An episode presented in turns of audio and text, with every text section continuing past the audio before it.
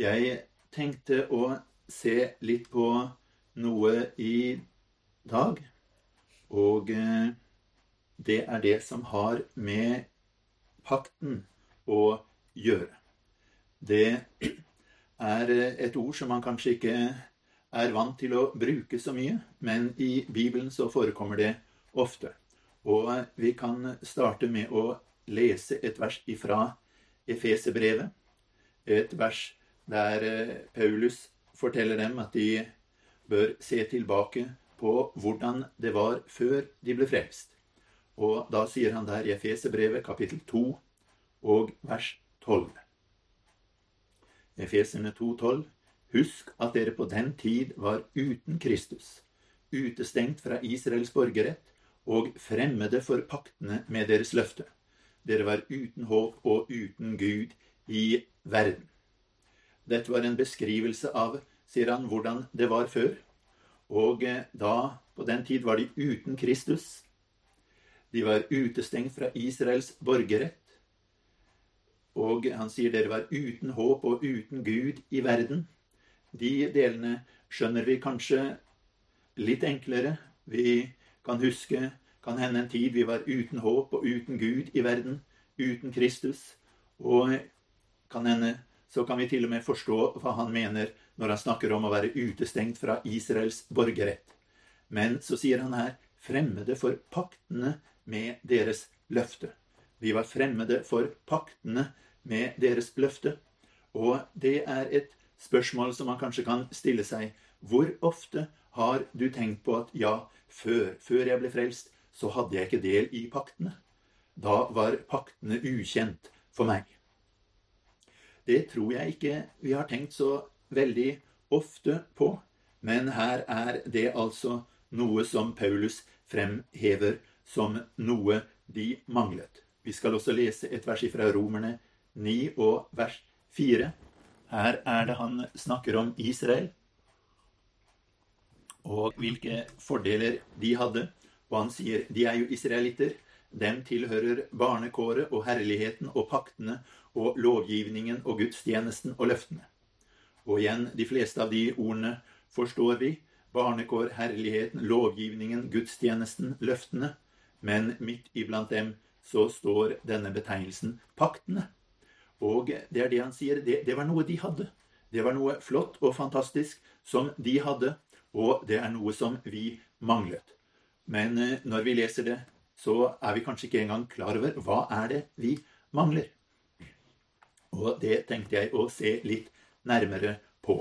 Eh, pakter er ikke noe vi har noe særlig av nå til dags, men på den tiden så var en pakt noe som var meget vanlig og også meget alvorlig. Man inngikk en pakt med hverandre. En pakt, det var en slags avtale som ble inngått, men det var ikke helt som våre vanlige avtaler. Vi, vi, inngår en avtale, og den kan jo fort bryte. Du avtaler med noen at du skal møte dem klokka da og da, men så blir du litt forsinket. Eller du avtaler at man skal finne på noe, men, men så passer det ikke. Det kommer noe i veien. Men en pakt, det var noe atskillig mer alvorlig enn som så. Og vi kan ta og se litt på et eksempel på en pakt, en pakt som ble inngått mellom mennesker i Første Mosebok 31 og vers 44, så eh, er vi i en situasjon. Eh, Jakob hadde jo i hui og hast dratt ifra Laban. Han hadde passet på mens Laban var borte, og så stakk han av og tok med seg familien sin og forsvant. Eh, han var bekymret for at Laban ville hindre ham, så han dro av gårde i all hemmelighet og i hui og hast. Men når Laban finner ut av det, så kommer han etter ham og eh, inntar ham. Og han sier at det, det hadde vært i hans makt å gjøre ham noe vondt, men Herren hadde advart ham imot det. Og så kommer vi til det avsnittet som jeg tenkte vi skulle lese, i Første Mosebok 31 og fra vers 44. Der er det at han sier, Så kom nå, la oss gjøre en pakt, jeg og du. Den skal være et vitne mellom meg og deg. Da tok Jakob en stein og reiste den opp som en minnestein. Og Jakob sa til slektningene sine, sank sammen stein. De tok steiner og laget en røys, og så holdt de måltid der ved steinrøysa. Laban kalte den Jegar Sahaduta, og Jakob kalte den Gal-Ed. Da sa Laban, denne røysa skal i dag være vitne mellom meg og deg. Derfor fikk det navnet Gal Ed. Men også Mispa, for han sa Herren skal holde vakt mellom meg og deg når vi kommer hverandre av syne. Dersom du skulle fare ille mellom med mine døtre, eller hvis du tar deg andre koner ved siden av mine døtre, da er Gud vitne mellom meg og deg, selv om det ikke er noe menneske med oss. Så sa Laban til Jakob, se, denne røysa og denne minnesteinen har jeg satt mellom meg og deg. Denne røysa skal være vitne, og minnesteinen skal være vitne, om at jeg ikke skal dra forbi denne røysa til deg, og at du ikke skal dra forbi denne røysa og denne minnesteinen for å gjøre ondt. Abrahams Gud og Nakors Gud, han som var deres fars Gud, han skal dømme mellom oss. Og Jakob sverget ved hans far Isaks redsel. Så ofret Jakob et slaktoffer der på fjellet og innbød slektningene sine til måltid. Og de holdt måltid og ble natten over på fjellet. Her eh, ser vi at eh, det blir inngått en avtale. Og den avtalen den ble jo inngått mellom noen som bodde langt fra hverandre. Laban han bodde i Mesopotamia, langt, langt mot øst. Og Jakob han bodde der i vest. Og du kan si hvordan skulle de kunne passe på om avtalen ble holdt? Jo, her er det at de inngår en pakt, står det. Og denne pakten, den inneholdt mange deler. Det ene var at de inngikk en ed, og at de reiste en minnestein og en røys. Og han sa at dette skal være vitne mellom meg og deg. Og ikke bare røysen, men han sier Herren skal holde vakt mellom meg og deg når vi kommer hverandre av syne. Så denne minnesteinen og denne røysen den var der for å minne dem om dette. At det finnes en Gud, og han skal holde øye med oss. Han skal holde vakt, står det. Han sier at Herren han skal innta en vaktrolle, og han står der og holder vakt for å passe på at vi begge overholder denne avtalen. Slik er det ikke når vi inngår en avtale. Da er det liksom noe vi blir enige med hverandre om, og kanskje holder vi det, og kanskje ikke. Men her er det at han sier at Herren, han skal holde vakt. Herren, han skal plassere seg der. Han skal stå imellom oss, og vi kan ikke gjøre noe mot hverandre uten at Herren ser det, og at Herren, han oppdager det.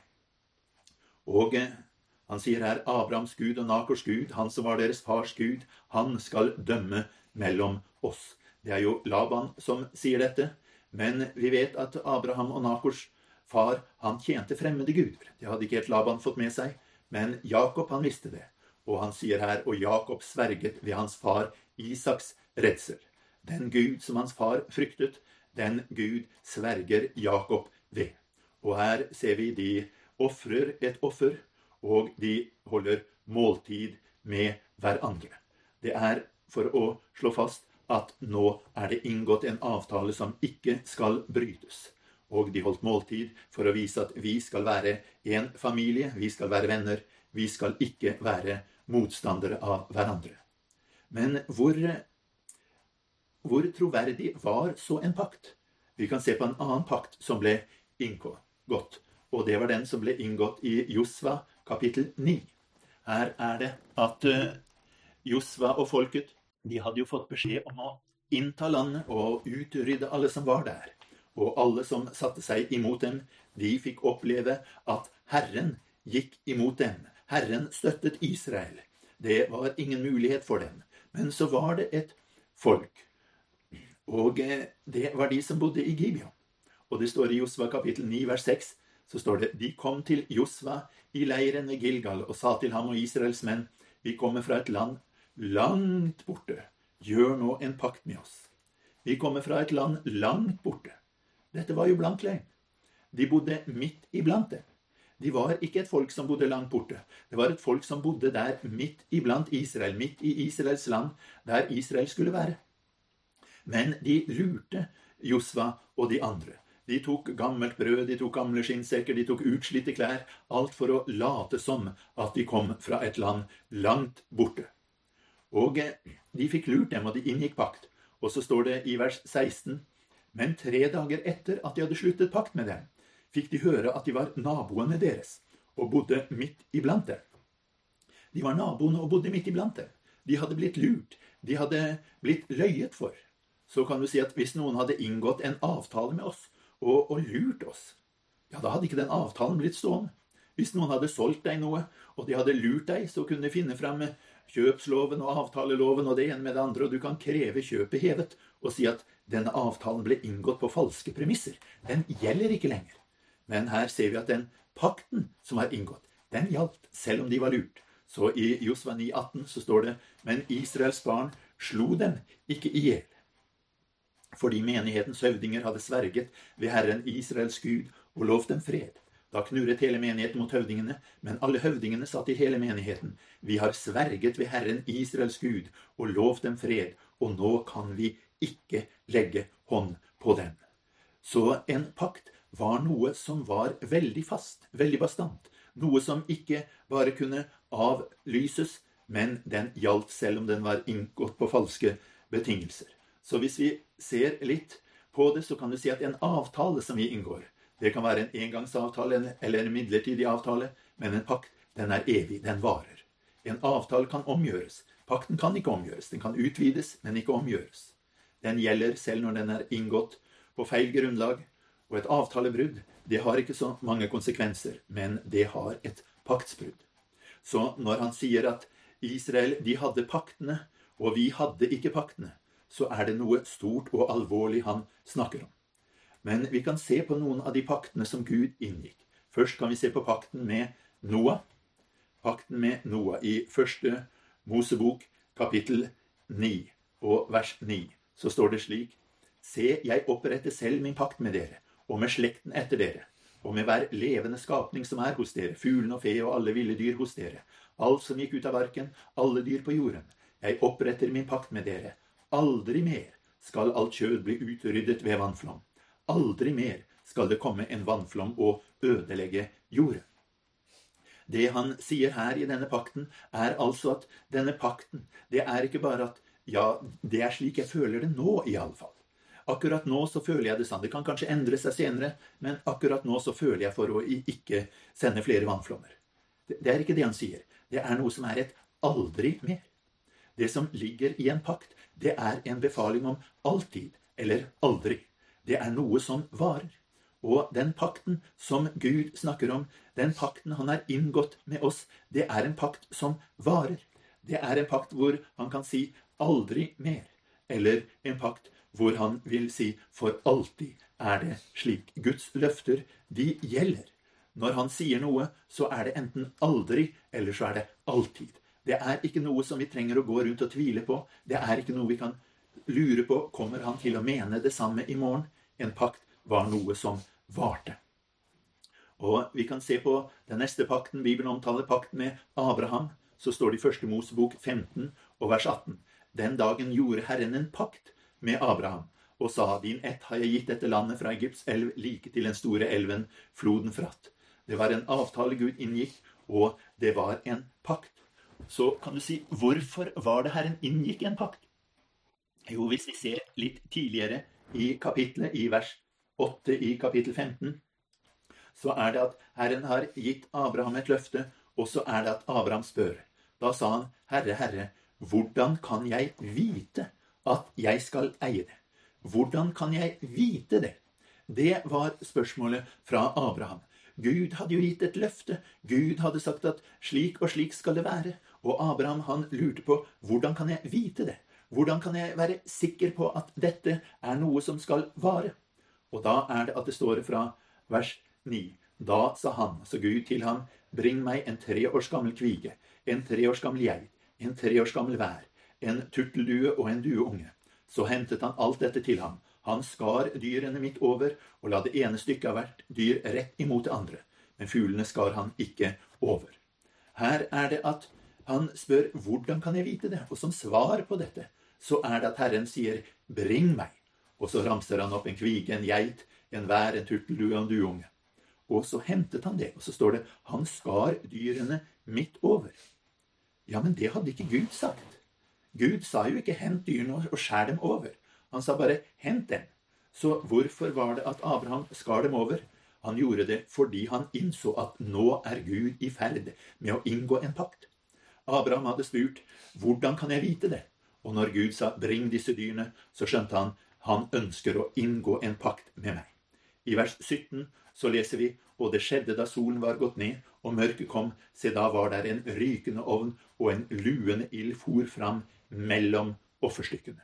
En luende ild for fram mellom offerstykkene. Her er det at Herren selv åpenbarer seg i en luende ild, og han går mellom offerstykkene. For det var nemlig nettopp det de gjorde når mennesker inngikk en pakt. Når mennesker inngikk en pakt med hverandre, så skar de dyrene over på midten, og så gikk de mellom de to stykkene for å inngå pakten. Og det var på en måte som å si at hvis jeg ikke holder denne pakten, så kan du skjære meg i to, på samme måte som disse dyrene er skåret i to. Det var for å demonstrere dette er noe jeg mener. Dette er noe som virkelig gjelder. Dette er noe jeg ikke kommer til å gå tilbake på. Og når Abraham spurte hvordan kan jeg vite det, så svarte Gud med å inngi, inngå en pakt. Det var en avtale man ikke kunne gå tilbake på. Det var en avtale hvor man sier som så at dette gjelder. Dette gjelder. Må det gå meg ille hvis jeg går imot dette? Og Abraham han kunne vite nå er jeg trygg. Nå vet jeg at jeg skal beholde det, fordi det er inngått en pakt. Det neste vi leser om, er pakten ved Sinai, da Moses inngikk en pakt på vegne av folket. Og her ser vi andre Mosebok, kapittel 19 og vers 3. Så steg Moses opp til Gud, og Herren ropte til ham fra fjellet og sa:" Så skal du si til Jakobs hus og kunngjøre for Israels barn. Dere har selv sett hva jeg har gjort med egypterne, og hvordan jeg bar dere på ørnevinger og brakte dere til meg. Dersom dere nå virkelig vil høre min røst og holde min pakt, da skal dere være min eiendom fremfor alle folk, for hele jorden er min. Dere skal være et kongerike av prester for meg og et hellig folk. Dette er de ordene du skal tale til Israels barn. Her ser vi altså at dette skjedde den dagen han førte ut, dem ut fra Egypten. Herren førte dem ut, frelste de ut fra Egypt. Og på samme måte som Abraham så kunne kanskje de lure og tenke hvordan skal jeg vite det? Hvordan skal jeg kunne være sikker på at dette er noe som holder? Men Herren sier han vil inngå en pakt med dem. Og det gjelder også for oss. Herrens frelse, det er en pakt. Herren sa ikke bare 'OK, jeg førte dere ut av Egypten, så får vi se åssen det går'. Så får vi se om dere klarer dere videre. Men han sier 'Jeg vil inngå en pakt', og da skal dere være min eiendom. Så ser vi i Andre Mosebok kapittel 24, og fra vers 7, så står det noen litt underlige ord her. Der står det 'Så tok han paktens bok og leste den opp for folket'. Paktens bok var jo der han hadde skrevet ned det Gud hadde sagt. Så står det, og de sa, alt det Herren har sagt, vil vi gjøre og lyde. Da tok Mose blodet og stenket det på folket, og han sa, se, dette er paktens blod, den pakten som Herren oppretter med dere på alle disse ord. Så steg Moses og Aron, Nadab og Abihu og 70 av Israels eldste dit opp. Og de så Israels Gud. Under hans føtter var det liksom et gulv av gjennomsiktig safirsten, klart som selve himmelen. Han løftet ikke sin hånd mot de fremste av Israels barn, men de skuet Gud og åt og drakk. Her ser vi igjen han inngår en pakt, og pakten den bestod av en avtale. Det var paktens bok som sa at hva de skulle gjøre, hvordan de skulle være, og hva Herren hadde lovt dem. Så var det paktens blod. Det blodet som sonet for synd. Det blodet som viste at her er det en død som er funnet sted. Dette blodet ble tatt frem. Og så er det neste som skjer, dette underlige vi leser her at han løftet ikke sin hånd mot de fremste av Israels barn, men de skuet Gud og åt og drakk. Har du tenkt på dette? Hvor, hvorfor var det at de kom og, og, og, spiste der sammen med Gud? Skulle de ikke gå dit opp og, og ære og love Gud? Skulle de ikke gå dit opp og lytte til Gud? I stedet så ser vi at de setter seg ned og spiser sammen med Gud.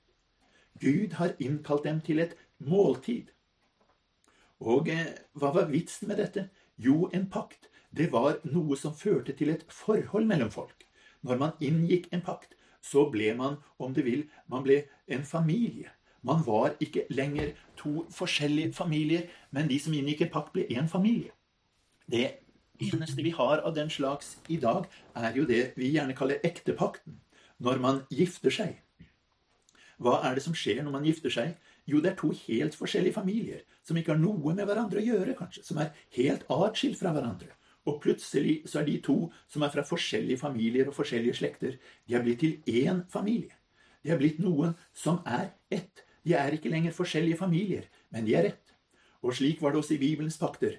Når man inngikk en pakt, så var man én familie. Da var man ett folk. Og det demonstrerte man ved å spise sammen. Det var det Jakob og Laban gjorde. De spiste sammen deres familier og sier vi er én familie, vi skal ikke lenger være uvenner. Og det er det som skjer her med folket. De spiser sammen. For nå er de gått inn i et familiært forhold til Gud. De er blitt hans folk. De er blitt hans familie. Og derfor er det at de åt og drakk der i Guds nærvær. Denne pakten ble inngått ved Sinaien. Den ble videreført ved inntakelsen av landet. Den ble ikke opphevet, men det står i 5. Mosebok 29,1.: Dette er den paktens ord som Herren bød Moses å gjøre med Israels barn i Moabs land, i tillegg til den pakten han hadde gjort med dem på Horeb. Han oppløste den ikke, men han utvidet den. Men vi kan lese videre om enda en pakt, og det er pakten med David i 2. Samuels bok, kapittel 7. I 2. Samuels bok, kapittel 7, og her er det jo at David han fikk denne ideen at han skulle bygge et hus for Herren. Og da er det at Herren svarer ham i 2. Samuels bok 7 og vers 11. Han sier her slik har det vært like fra den dagen jeg satte dommer over mitt folk Israel. Jeg har latt deg få ro for alle dine fiender. Og nå forkynner Herren deg at Herren vil bygge deg et hus. David hadde jo sagt at Gud, jeg vil bygge et hus for deg. Men Herren kommer og sier at nei, det er jeg som skal bygge et hus for deg. Her er det en ny avtale. Og så sier han i vers 12.: Når dine dagers tall blir fulgt, og du hviler hos dine fedre, da vil jeg etter deg oppreise din sønn som skal utgå av ditt liv, og jeg vil grunnfeste hans kongedømme. Han skal bygge et hus for mitt navn, og jeg vil trygge hans kongetrone til evig tid. Legg merke til hva han sier her. Dette er ikke en avtale som han inngår med David, at ja, jeg skal være med deg, men han sier jeg skal være med din sønn, og jeg skal være med hans sønn. Jeg skal være med dere til evig tid. Det er en avtale som vi er inne på når vi så på avtalen med Noah. Det var en aldri mer, og det var en alltid fra nå av-avtale. Til evig tid. Og så sier han i vers 14.: Jeg vil være hans far, og han skal være min sønn.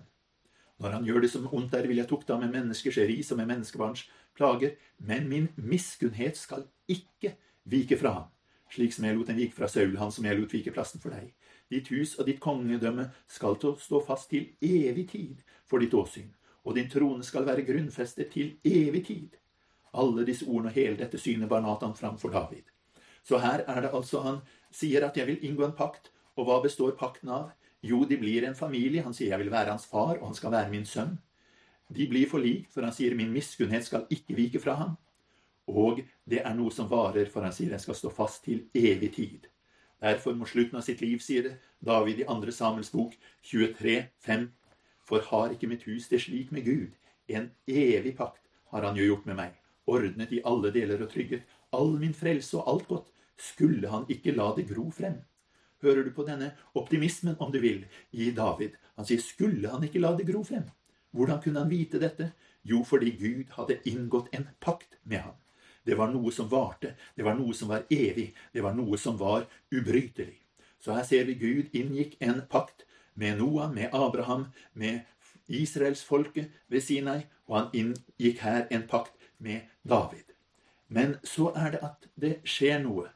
I Jeremia 31 og vers 31, så sier Herren der Se, dager kommer, sier Herren, da jeg vil opprette en ny pakt med Israels hus og med Judas hus. Den skal ikke være som den pakten jeg opprettet med deres fedre på den dagen jeg tok dem ved hånden og førte dem ut av landet Egypt.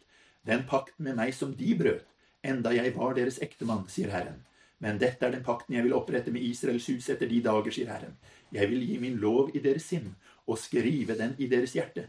Jeg vil være deres Gud, og de skal være mitt folk.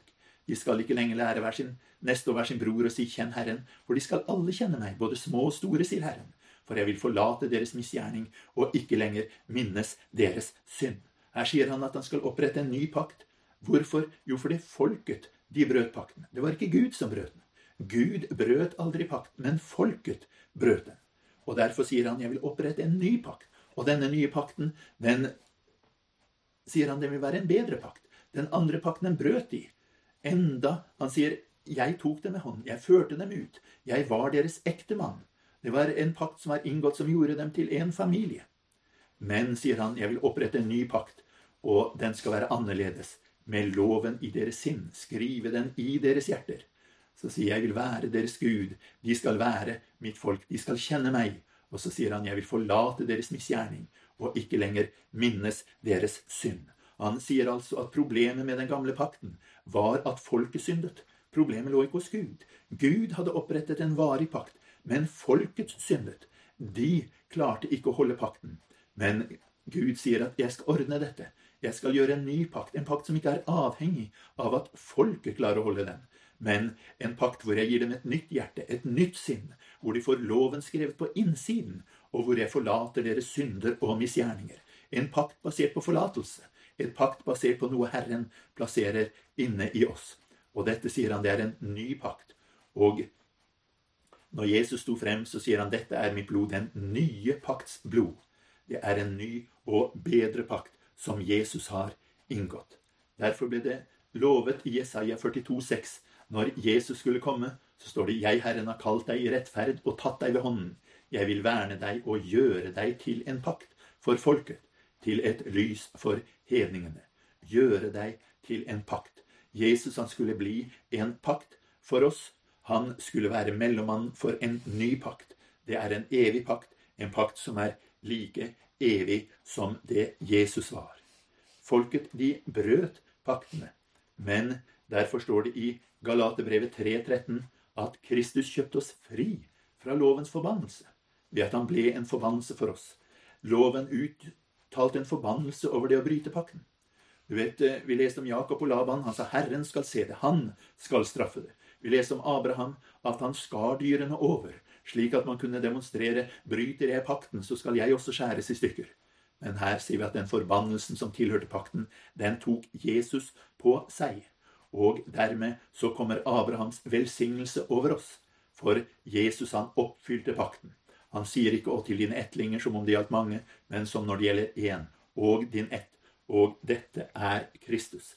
Jesus han kom inn, og han opprettet en ny pakt ved at han oppfylte de gamle paktene. Paktene med Israel, paktene med Abraham, pakten med David, er nå oppfylt i Jesus. Og denne pakten, det er en ny og bedre pakt.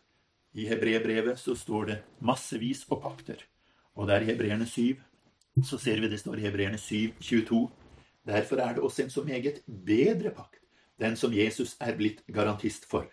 Og i Hebreerne 8,6.: Men nå har Kristus fått en så mye bedre prestetjeneste, like som han også er mellommann for en bedre pakt, som er lovfestet på bedre løfter. Det er en bedre pakt. Problemet ved den gamle pakten var ikke en feil fra Guds side, men det var en feil fra folkets side. Gud opprettet en evig pakt, og Gud har holdt sin pakt. Du ser pakten ved Noah. Gud har holdt den. Regnbuen er fortsatt der, og jorden er ikke blitt oversvømmet igjen. Gud har holdt pakten. Men folket klarte ikke å holde sin del av de andre pakten. Men nå kommer det en ny og bedre pakt, og det er bedre løfter. For nå er det ikke vi lenger som bærer forbannelsen, men Jesus som barn. Og han sier her den første pakt den var ikke uten mangel. Hadde den vært uten mangel, så hadde det ikke vært grunn til å søke plass for en ny. Men det kommer en ny pakt. Og dermed har han erklært at den første er foreldet, og den er i ferd med å bli borte. Men i Hebreerne 9,15 så står det at han er mellommann for en ny pakt, for at de som er kalt, skal få den evige arven som er lovt, etter at det har funnet sted en død til forløsning fra overtredelsene under den første pakten. Så der menneskene brøt pakten, så kan du si da er vel den over.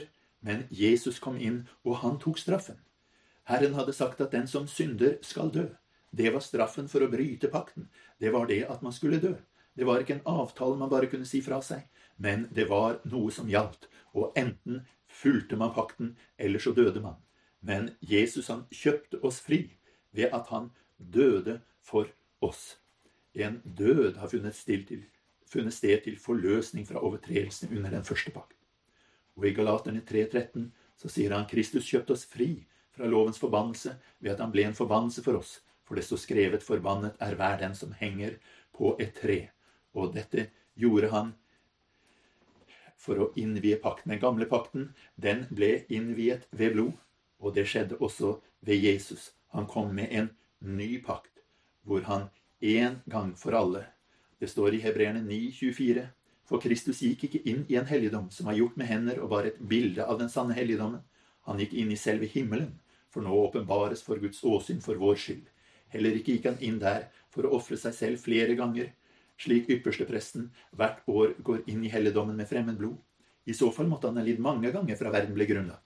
Men nå er han blitt åpenbart én gang ved tidens ende for å ta bort synden ved sitt offer. Og liksom det er mennesket slått én gang på død og deretter dom, så skal også Kristus, etter å ha vært ofret én gang for å ta bort mange synder, annen gang viste seg ikke for syndens skyld, men til frelse for dem som venter på ham. Og i Hebreerne 9,12 så står det ikke med blod av bukker og kalver, men med sitt eget blod gikk han inn i helligdommen én gang for alle og fant en evig forløsning.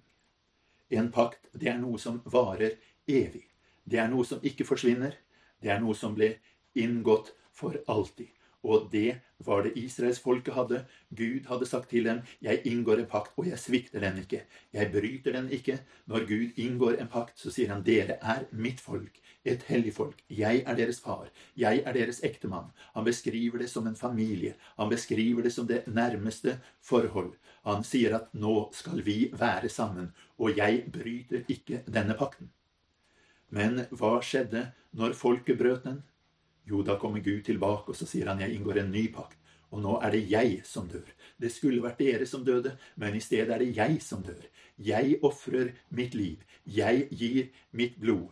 Jeg er det som går inn med mitt eget blod i helligdommen en gang for alle. Og det står der fant han en evig forløsning. Når han har kjøpt oss fri, så er det for evig. Og hva står det da om oss? Jo, vi kan gå til Hebreerbrevet kapittel 10. Og eh, dette er det skriftstedet jeg hadde tenkt å, å slutte med. La oss se på dette Hebreerbrevet, kapittel 10, og vers 16-20. Dette er den pakten jeg vil opprette med dem etter disse dager. Så sier Herren. Legg merke til han sier igjen at det er en pakt han har opprettet. Ikke en midlertidig avtale, men en pakt.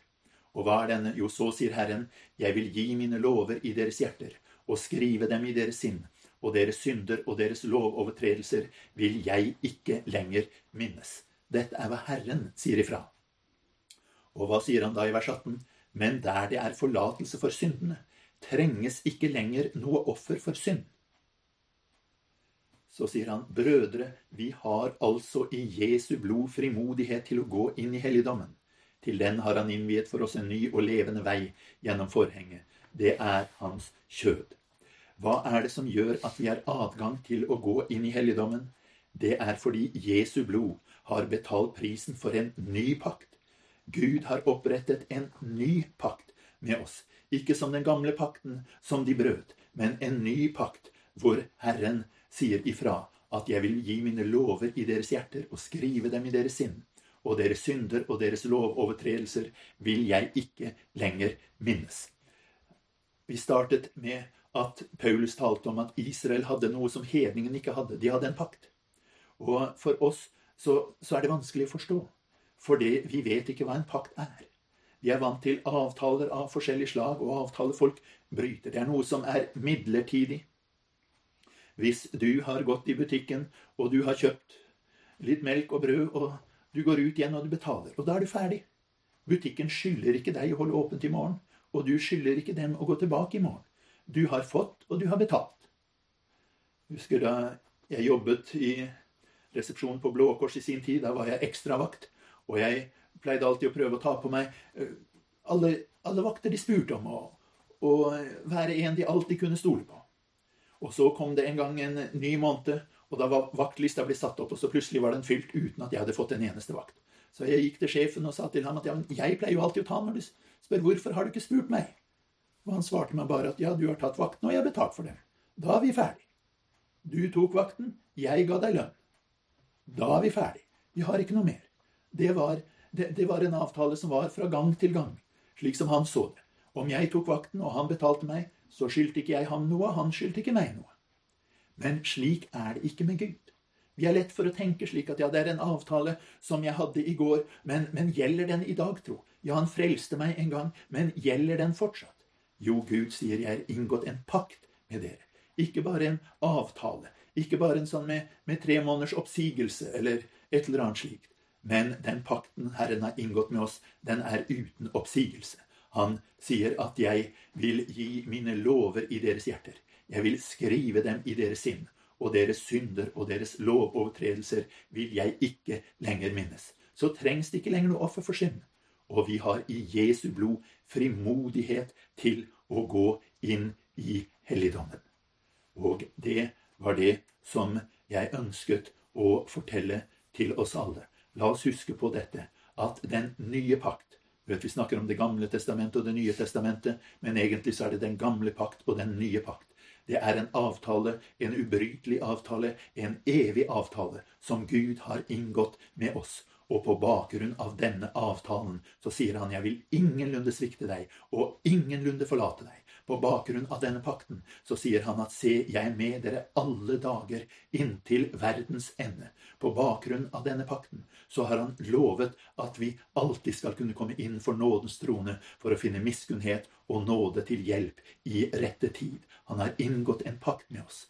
Og når vi har tatt imot Jesu blod, når vi er kommet til ham og blitt renset i hans blod, så er det noe som varer. Han sier deres synder og deres lovovertredelser vil jeg ikke mer komme i hu. Så la oss med frimodighet gå inn for Herrens åsyn. La oss takke ham for hva han har gjort, og la oss bringe ut ordet om denne frelse til andre mennesker. En frelse som ikke bare fører oss ut av Egypten, men som gjør oss til Herrens folk. Amen, kjære Gud og Far. Jeg ber deg, Herre Jesus, at du må tale til våre hjerter, og at du må vise oss, Herre, hvor stor du er, og hvor herlig du er, og hvor herlig den pakt er som du har inngått med oss. Takk at vi har fått del i pakten, Herre, vi som før ikke hadde den. Men nå har vi en pakt med deg, og du er vår Gud, og vi er dine barn, og vi hører deg til. Du er vår brud, og vi er din brud, Herre, og vi har adgang like inn i helligdommen, fordi du har forlatt oss våre synder og inngått pakt med oss. Takk, Gud og Far, i Jesu navn. Amen.